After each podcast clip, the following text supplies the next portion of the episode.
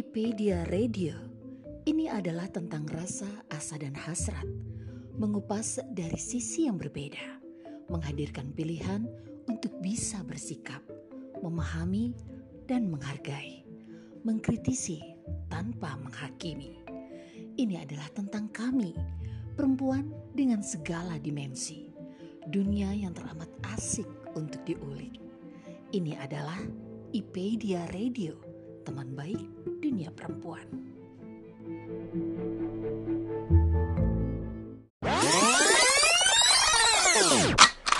Waduh, pertanyaannya ini dalam banget.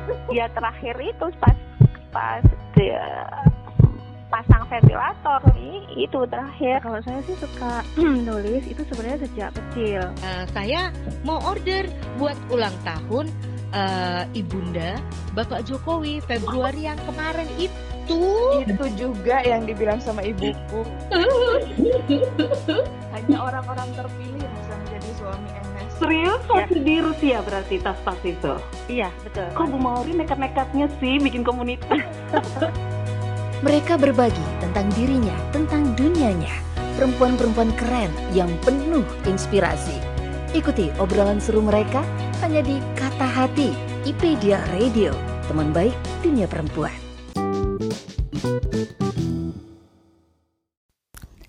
Halo teman baik IPedia Radio. Bagaimana kabarnya hari ini? Semoga teman baik semua selalu dalam keadaan sehat, fit, dan bahagia tentunya. Bertemu kembali dengan saya Reni Handayani di program Kata Hati. Berbicara tentang bahagia, sumber kebahagiaan setiap orang itu beragam banget ya teman baik. Salah satunya adalah melalui makanan.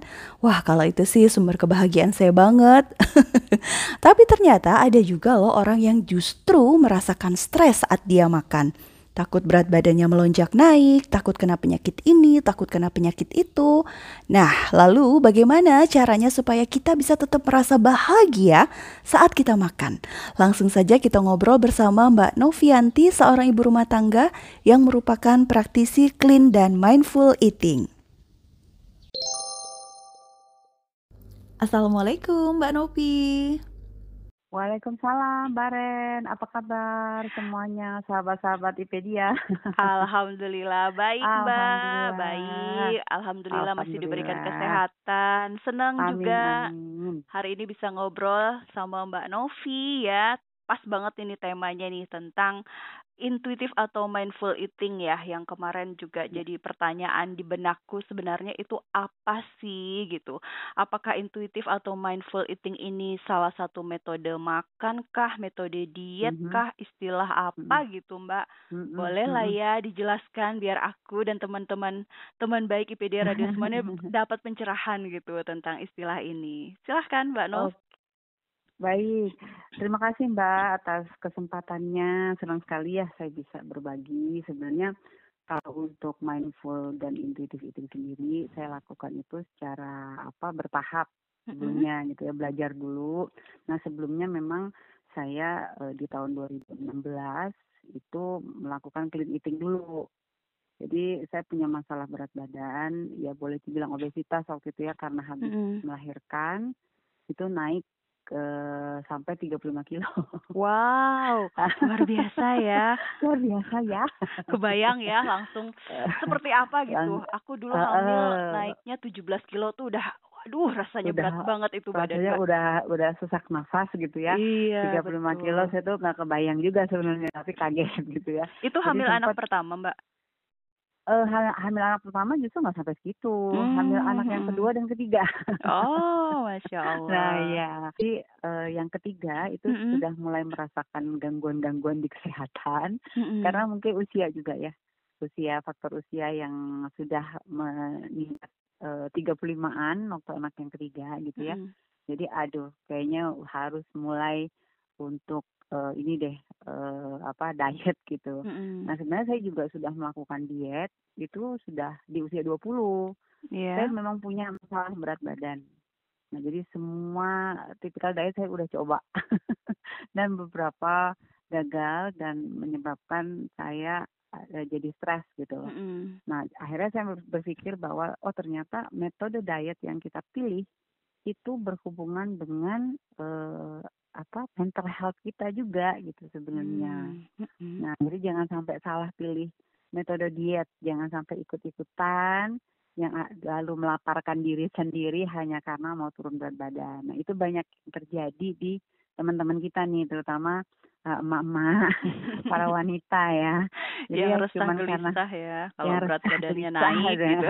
Pengennya cepet gitu turunnya ya Mbak ya. Pengennya cepet, instan, tapi mm -hmm. Ternyata yang cepet dan instan itu mengganggu banyak hal. Mm -hmm. Dari terutama mental health kita, lalu dari sistem kesehatan kita juga jadi kayak uh, apa rambut rontok mm-hmm. terus uh, siklus menstruasi yang tidak tidak apa tidak lancar gitu teratur mm-hmm. gitu itu itu tanda bahwa sebenarnya ada gangguan gitu dengan uh, metode apa diet yang kita pilih gitu nah akhirnya saya cobalah clean eating. Waktu itu saya coba apa nih clean eating? Waktu itu waktu itu 2016 kan booming banget ya clean eating ya. Mm-hmm. tapi saya nggak langsung coba. Saya coba uh, baca literaturnya baca beberapa jurnal-jurnal yang memang mendukung itu gitu loh. Nah belajar kalau nggak salah hampir empat atau lima bulan. Nah kayaknya perasaan nih ya kayaknya ini deh yang saya cari gitu. Nah ya udah saya mulai uh, sambil saya ikut kelas juga online waktu itu ambil beberapa sertifikasi kelas juga di dalam maupun luar negeri saya ambil untuk supaya memantapkan lagi gitu. Tapi saya udah sambil jalan gitu nah, akhirnya uh, tiga tahun saya fokus di clean eating dan benar-benar memberikan uh, hasil yang signifikan juga gitu. Saya senang lah walaupun lama tapi pasti gitu loh prosesnya gitu jalannya nah itu yang Nah, saya pengen uh, apa teman-teman uh, perempuan terutama kalau dia tuh jangan mau cepat-cepat uh, apa diresapi gitu prosesnya. Dan akhirnya alhamdulillah kliniking tiga tahun saya uh, turun bisa balik ke berat badan yang normal. Nah, lalu kebablasan. Kebablasan turun kebablasan. maksudnya? Iya. Oh.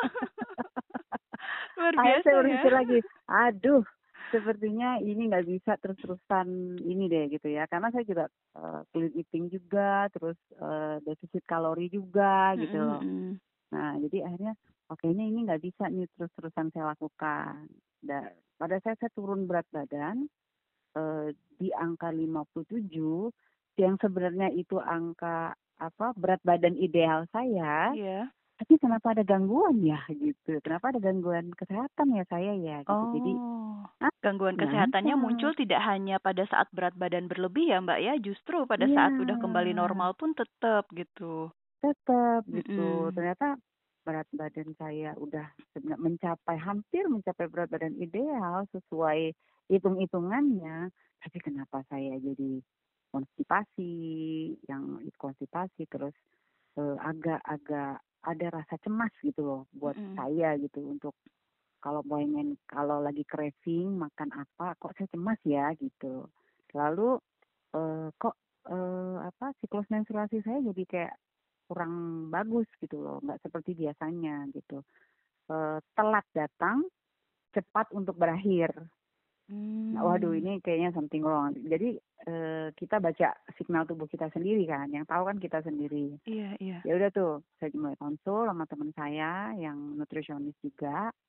Kayaknya lu harus ini deh katanya, kayaknya lu harus berhenti deh. Uh, udah deh clean udah karena lu udah udah mencapai, uh, maksudnya udah turun berat badan gak obes lagi gitu. Dia kasih saya literatur tentang intuitif dan mindful eating itu hmm Akhirnya saya baca lagi, pelajari lagi sampai apa eh, tiga bulan empat bulan dengan apa semua literatur yang dikasih. Akhirnya oke, okay, kayaknya find my soul-nya lagi nih di sini.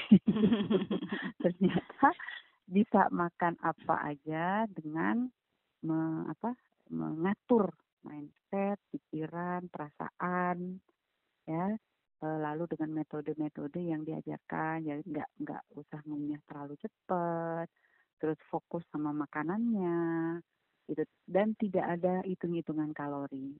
Kan oh. yang bikin stres itu kan hitung-hitungan kalori ya. Betul ini berapa sih? Berapa sih? Gitu. makan ini aduh tuh. kelebihan kaloriku uh, gitu ya. Gimana nih nguranginnya gitu. kalori aku. Kudu olahraga nih sejam dua jam misalnya gitu ya. betul betul. Nah ternyata itu bikin anxiety gitu loh Nah, jadi saya saya bilang oke okay, ya apa bukan berarti clean eating itu nggak bagus ya bagus banget gitu. Tapi pada saat clean eating saya gabungkan dengan mindful eating dan intuitive eating tadi itu jadinya lebih lebih lebih sempurna gitu di saya. Mm. di saya gitu. Jadi saya tahu kapan saya memang butuh menu-menu clean eat tapi kapan saya butuh makanan lain yang memang saya senang saya tahu kapan porsinya berapa dan kapan saya harus stop makan itu gitu.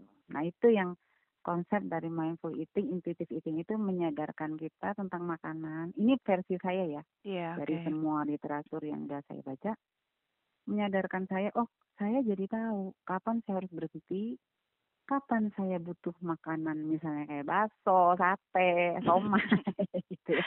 Bukan memusuhi saya, jadinya ya Mbak ya. Ah, tidak memusuhi. Hmm. Kapan saya harus makan gorengan, dan kapan saya harus stop itu kan saya merasa cukup tadi tubuh saya merasa cukup tidak craving dan alhamdulillah selama mindful eating dan atau intuitive eating tadi saya jadi jarang bukan jarang hampir nggak pernah craving lagi mm. lalu kecemasan saya akan makanan untuk makan itu udah nggak ada gitu saya makan aja dengan porsi yang memang saya uh, takar sendiri saya sudah tahu porsi saya berapa Gitu. Jadi lebih happy, lebih happy. Kecemasan-kecemasan tentang berat badan atau timbangan itu udah nggak ada. Saya juga udah buang tuh timbangan saya. udah nggak peduli lagi, nggak perlu nimbang. Enak perlu banget nimbang ya. Lah. Uh, karena kita udah bersahabat sama sebenarnya bersahabat sama pikiran sendiri dengan makanan itu yang kita makan. Jadi okay. merasa grateful gitu loh mm -hmm. makanannya.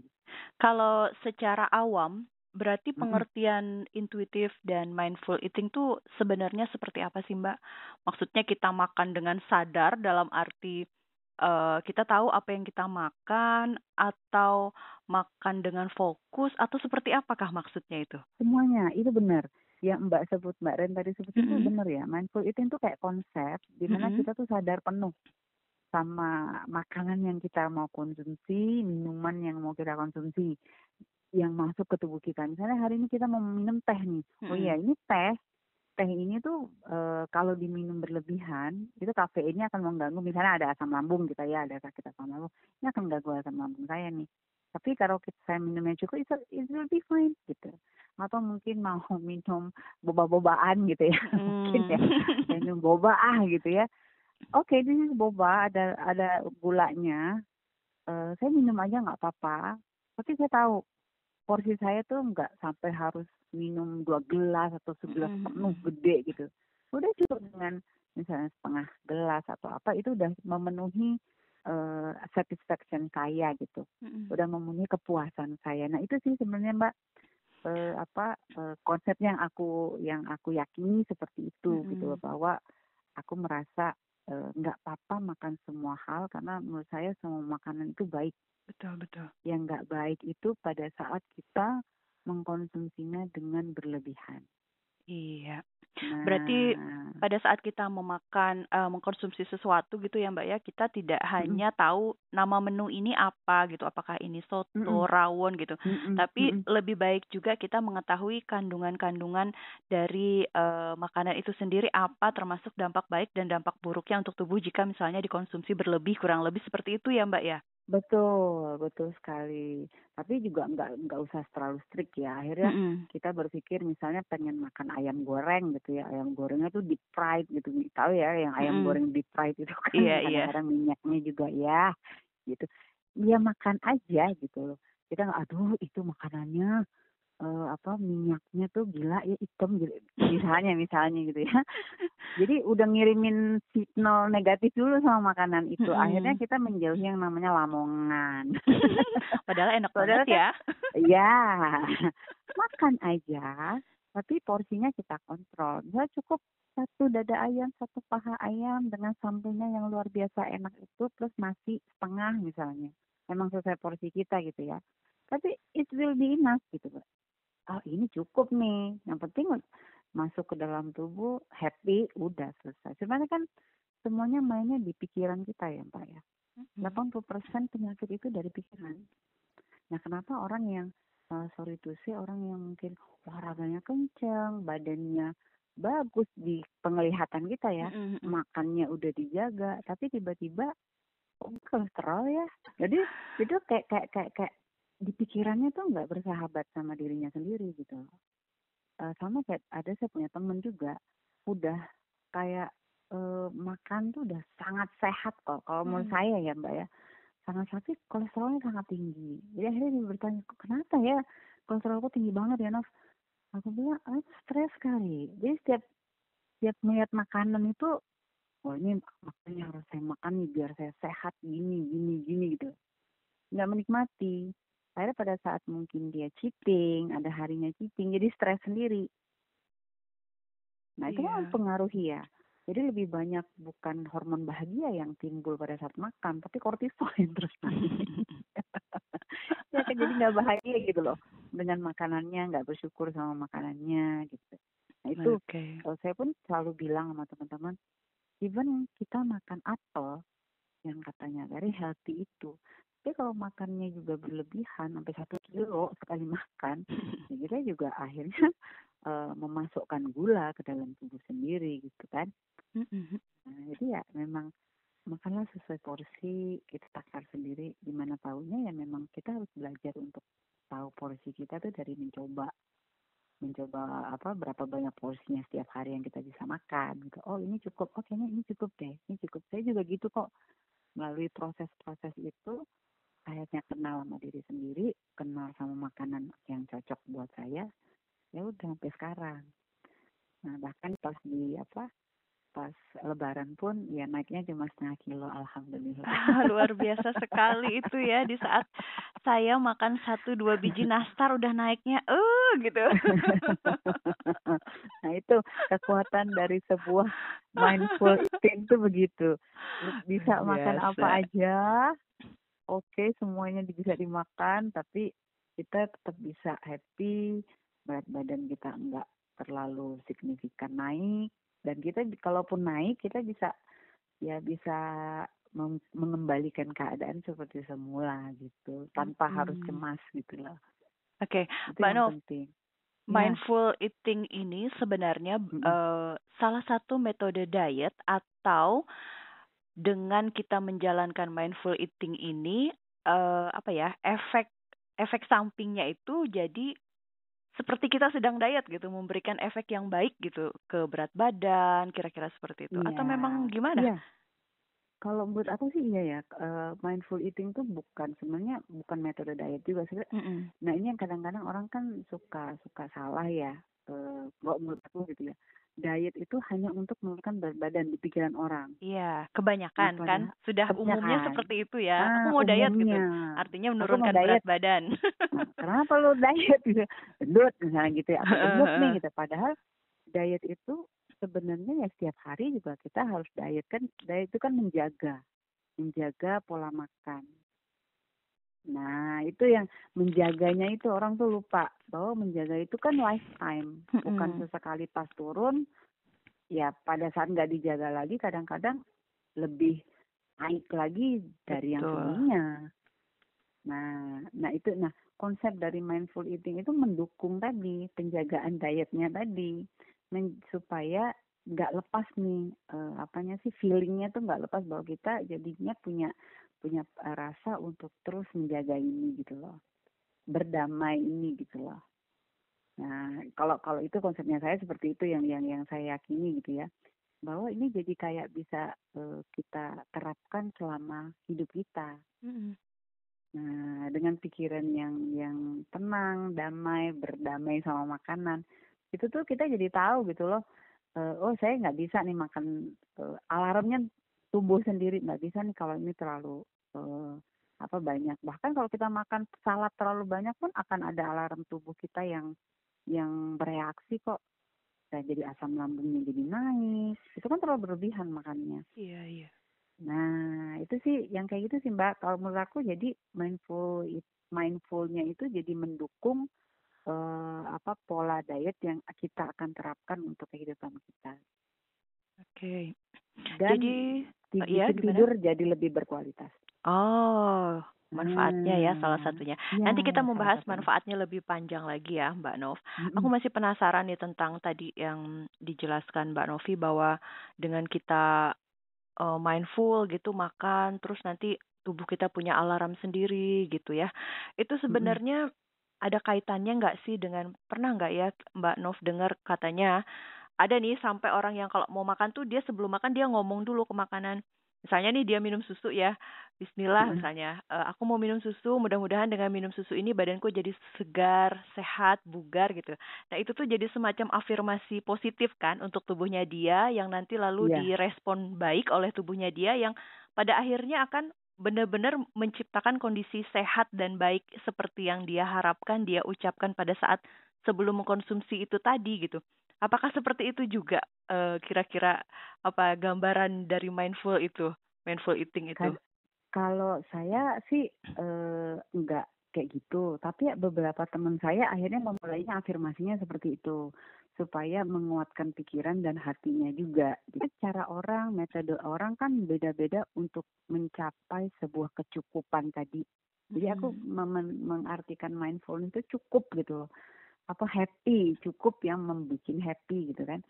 Nah itu kan uh, itunya beda-beda jalannya beda-beda. Itu waktu lama ndak sih mbak? Tahapannya seperti apa prakteknya gitu mbak? Itu tiga tahun. Mm. tapi juga dengan gejolak gitu mbak. Gejolak racing lah segala macam. Nah itu sebenarnya dalam waktu saya clean eating itu saya sebenarnya sedang belajar untuk menuju ke mindfulness tadi. Oke. Okay. nah karena kan itu uh, mengubah segala macam bentuk makanan kita itu sampai benar-benar karena clean eat, waktu saya menjalankan clean eating itu benar-benar textbook. Tapi kenapa aku jadi stres? nah, stresnya bukan karena si clean eatingnya, stresnya karena saya nggak bisa fleksibel gitu loh. Mm -hmm. Nah, jadi harus makanannya tuh harus sesuai dengan apa yang ditampilkan gitu.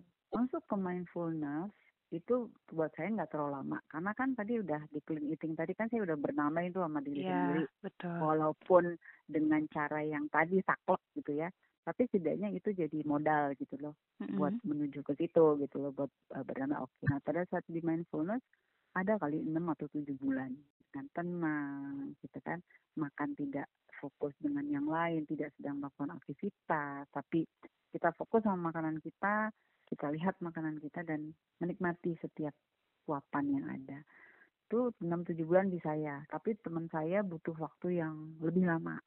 Semuanya mindfulness itu akhirnya ya tadi metode diet yang kita jalankan itu melibatkan emosional emosi kita sendiri. Nah semakin kita melaparkan diri semakin kita tuh fokus hanya pada menurunkan berat badan percayalah semakin stres Betul. turunnya setengah kilo gitu ya stres ya, ya. stres. Aduh kok turunnya cuma aduh, segini cuma gitu on. Perasaan lapar banget udah, deh. Uh, karena aku udah puasa loh. Sampai sepuluh jam 12 jam. Uh, dari pagi nggak makan baru makan jam 2 siang. Tahu-tahu besok pagi jam 5 udah tutup mulut. Udah minum doang. Tahu-tahu besok pagi kok cuma dua on gitu ya itu saya alami. Karena apa ya karena fokusnya tadi terdistraksi oleh angka. Nah fokus kita tuh sama angka bukan sama healing diri sendiri cure diri sendiri. Nah sebenarnya ya tadi balik lagi tuh semua di pikiran. Pada pikiran oke okay, apa oke okay, semua oke okay kok. Mau angkanya di berapapun kita nggak worried. Karena tubuh kita merasakan oh saya sangat healthy saya enak nih saya tubuhnya nggak apa-apa walaupun mungkin orang ngeliat kita kayaknya nggak berat badan ideal nah eh, kadang-kadang angka-angka berat badan ideal apa segala macam itu juga akhirnya mengganggu mbak Iya, sangat mbak. Iya, sangat mengganggu. Ini saya jadi kayak curcol ya. Sangat mbak. langsung ya kayaknya mengalami. iya, mengalami banget, banget itu. Mengal apa apa itu sangat mengganggu. Karena kita jadi fokus oh saya pengen berat badan ideal. Nggak ada yang ideal kok. Jadi semuanya itu tergantung tubuh masing-masing. Ternyata saya sangat comfortable di 65 menstruasi saya sangat lancar. Saya tidak lagi mengalami kerontokan rambut yang tidak seharusnya saya alami gitu. Terus juga kulit saya jadi lebih uh, sehat ya, saya merasanya begitu ya. Saya lebih sehat, saya makan lemak juga oke. Okay. Jadi nggak takut ternyata oh ternyata pikiran kita benar-benar mempengaruhi semua apa energi-energi yang ada di dalam tubuh kita. Akhirnya saya sekarang e, lebih fokus ke mengatur pikiran daripada mengatur berat badan. Ternyata mengatur pikiran itu it, apa e, bisa berpengaruh sama berat badan sendiri. Jadi nggak perlu kita yang ini banget gitu loh, nggak perlu struggle banget gitu loh. Nah, ya tidur juga lebih berkualitas, tidur kita juga lebih enak. Kan kalau tidur kita berkualitas otomatis pembakaran kalori ya pada saat tidur itu terjadi maksimal, maksimal ya. iya hormon betul. ah, hormon melatoninnya bekerja itu kan hormon melatonin membantu kita untuk turun berat badan juga mbak pas pada saat tidur. Iya iya. Bisa ah. dibilang tahapan atau praktek untuk uh, memulai mindful eating tadi yang paling mudah dengan kita tidak menyambi kegiatan makan kita dengan hal ya, lain mungkin ya mbak ya? makanlah pada saat uh, apa se makanlah sebelum uh, sebelum lapar berhenti sebelum kenyang. Wah sunnah rasul banget itu ya ternyata nah, aja, Mbak. sudah diajarkan ya jauh-jauh hari hmm, eh jauh-jauh tahun hari malah. sebelum kita lahir. Iya. kan akhirnya seperti itu ya. Jadi dan disiplin sama uh, apa yang kita lakukan. Aja sih Mbak. Disiplin sama apa yang kita lakukan. Oh hari ini uh, saya jam 7 harusnya udah sarapan. Ya udah sarapan. Jam 7 atau jam 7 lewat nggak apa-apa. Tapi jangan terlalu jauh juga mm-hmm. uh, jarak dari kita sarapan misalnya. Atau uh, makan siangnya jam 12 ya udah jam 12 makan tiap hari kayak gitu mau lewat-lewat dikit nggak apa-apa tapi jangan sampai terlalu jauh baru setengah tiga baru makan mm-hmm. Hmm. Mbak Novi sendiri hmm. masih masih ada nggak sih uh, meal gitu sambil nonton misalnya gitu atau udah memang sudah tidak ada praktek-praktek seperti itu? Iya masih. Oh masih. masih. nah Cuma itu menjaga kita untuk udah mindful. Oh udah kan terlatih tahu takaran. Ya. Misalnya kerupuk gitu ya. Mm-hmm. kerupuk, ah udahlah cukup empat. Yang penting ngerasain itu kerupuk. Cukup empat biji lima biji cukup lah atau memang gitu, dipisah atau, dari awal ah aku ngambil empat kerupuk ah karena biasanya aku segini cukup gitu atau atau nah, tetap aja gitu bawa ngambil, toples langsung ambil gitu ya bawa antoples gitu ya oh ini sudah ya? cukup gitu ah, tetap tetap lah emak-emak ini abis itu minum udah udah udah udah kayak ya udah kayak mungkin karena udah terbiasa kali ya mbak. Mm. -hmm. udah terbiasa udah udah hitungan di atas enam bulan gitu ya. Udah dua tahunan gitu ya. Jadi uh, flow aja. Mau makan gorengan misalnya ya beli gorengan goreng pisang atau apa beli beli makan sebiji udah selesai. Okay. Berarti untuk teman baik, termasuk saya nih, ya. yang mungkin mau memulai mencoba menerapkan mindful eating, mm -hmm. uh, itu tidak tidak harus mengurangi porsi makanan langsung gitu ya Mbak ya, tapi Nggak harus. memulainya dengan berusaha untuk bisa fokus saat makan gitu ya, menikmati nah, proses makan kita gitu ya Mbak Nov. Hmm? Berusaha untuk ini aja dulu, makanan tuh dikunyah Biasa oh, kita nggak oh, iya, nah, iya. makanan tuh dikunyah nggak perlu 33 kali, mungkin mm -hmm. ya sekitar 20 sampai 22 kali. Nggak usah suka, nggak usah, nggak usah juga dihitung-hitung gitu ya. Tapi kayaknya ini cukup lembut untuk masuk ke tubuh. Mm. Aku kan. Itu yang paling paling gampang itu mengunyah makanan. E, mengunyah aja dulu, mengunyah aja. E, nggak fokus nggak apa-apa. Nanti lati, latihan fokusnya bisa dengan cara mengatur pola nafas. Nah, nggak banyak orang yang bicara tentang pengaturan pola nafas. Padahal pengaturan pola nafas yang benar itu membantu mindfulness kita tentang makanan itu jauh lebih baik. Ini maksudnya nah, mengatur pola nafas pola pada nafas. saat makan atau memang pada, pada saat sehari -hari. apa pun? Oh, sehari-hari. apa pun sehari yang kita lakukan ya?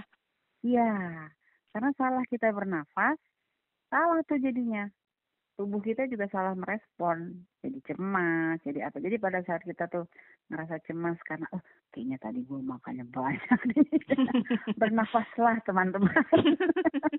Hmm tarik nafas hari pelan-pelan tarik. Ya itu bantu banget buat kita.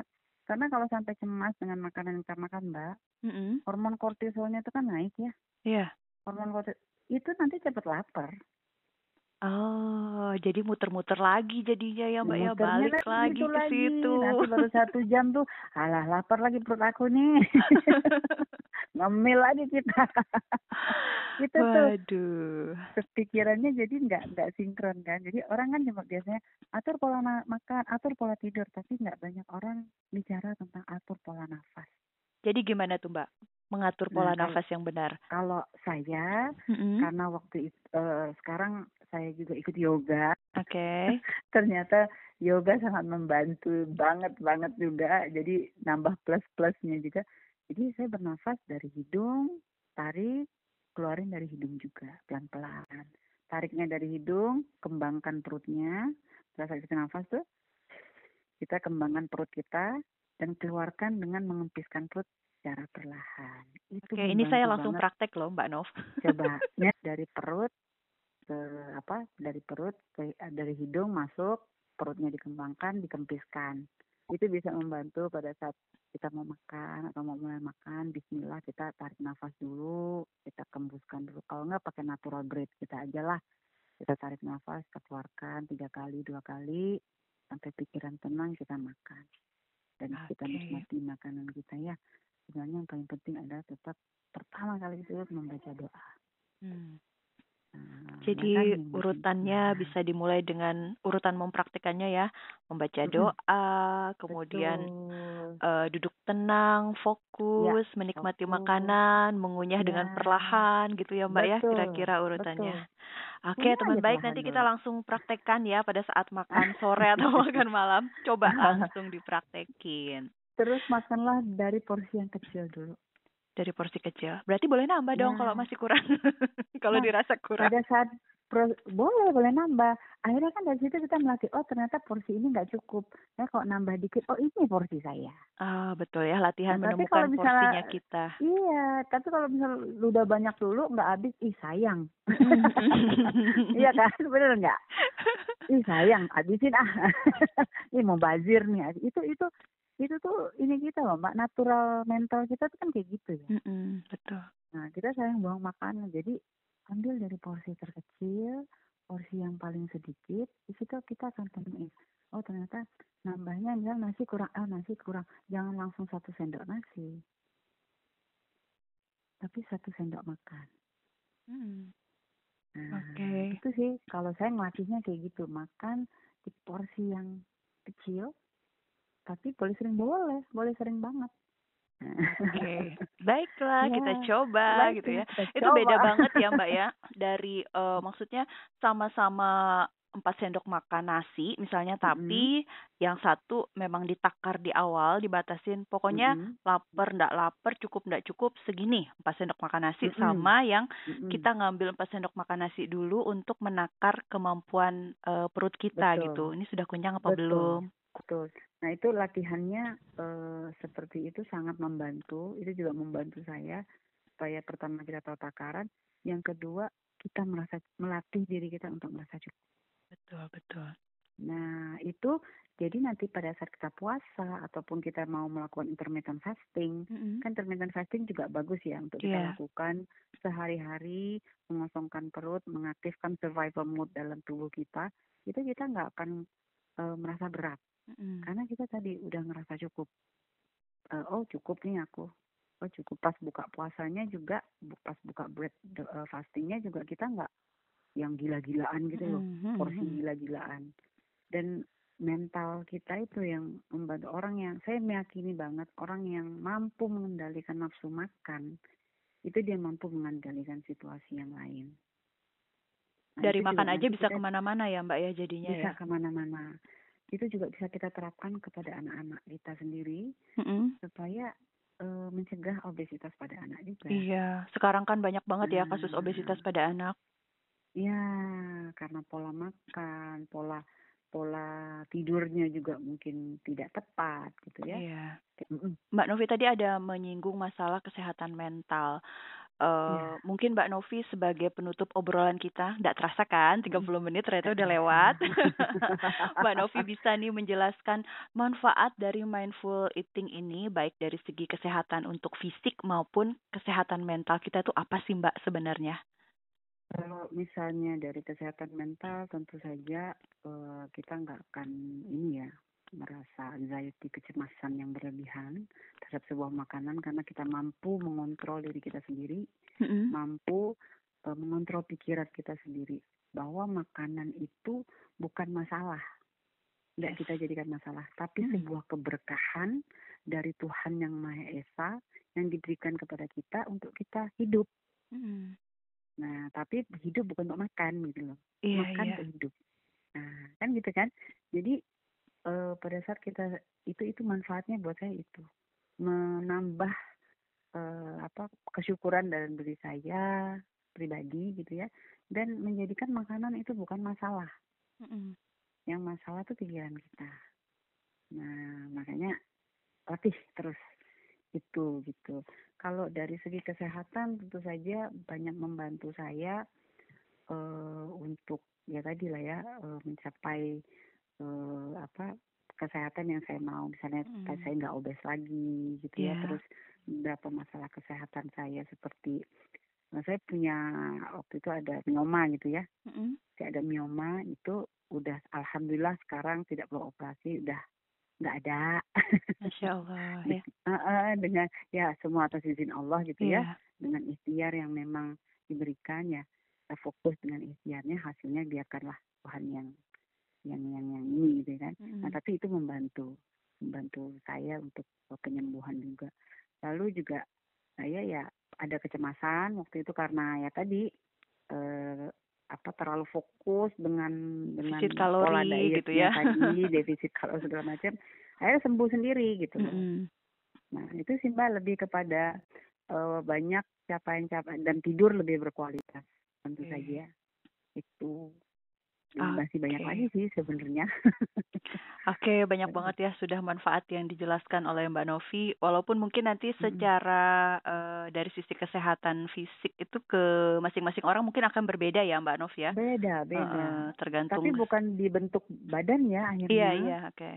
Nah, jadi memang bentuk badan kita nggak mempengaruhi kesehatan kita. Oke, okay, sip. Jadi kalau uh, nanti teman baik mungkin mau mulai menerapkan mindful eating ini, uh, yang perlu diingat bahwa memang mindful eating ini tujuannya bukan untuk dapat body goals gitu ya Mbak ya. Kalaupun ya, dapat itu bonus gitu itu ya. Bonus saja, tapi lebih kepada kita memiliki kesehatan jiwa yang sangat baik. Dan itu yang jauh itu lebih yang penting. penting. Ya, iya, setuju.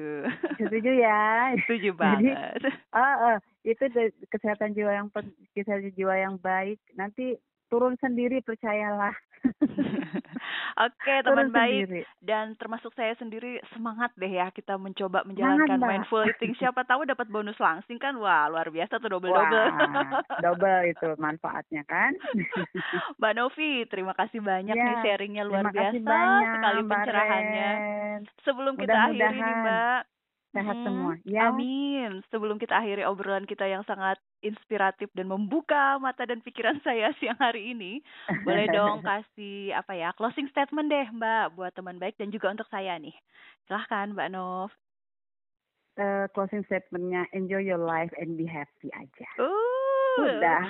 Amin amin amin. Enjoy ya pokoknya ya Mbak Novi ya. Sehat selalu ya Mbak Novi Sehat sekali lagi. semuanya. Uh, Mbak Ren juga. Amin amin. Sekali lagi terima kasih banyak. Mudah-mudahan nanti di lain waktu kita bisa ngobrol langsung seperti yang sebelumnya kita rencanakan. Siap. Anytime. Oke, oke Mbak. Ya, Selamat ya, melanjutkan ya, aktivitas saya ya, yang terima Mbak kasih, juga. Mbak Novi. Saya terima kasih juga. Sampai ketemu lagi ya, Mbak Novi di Sampai program ketemu. Kata Hati lainnya. Barokallah. Amin. Assalamualaikum Amin. warahmatullahi wabarakatuh. Waalaikumsalam warahmatullahi wabarakatuh.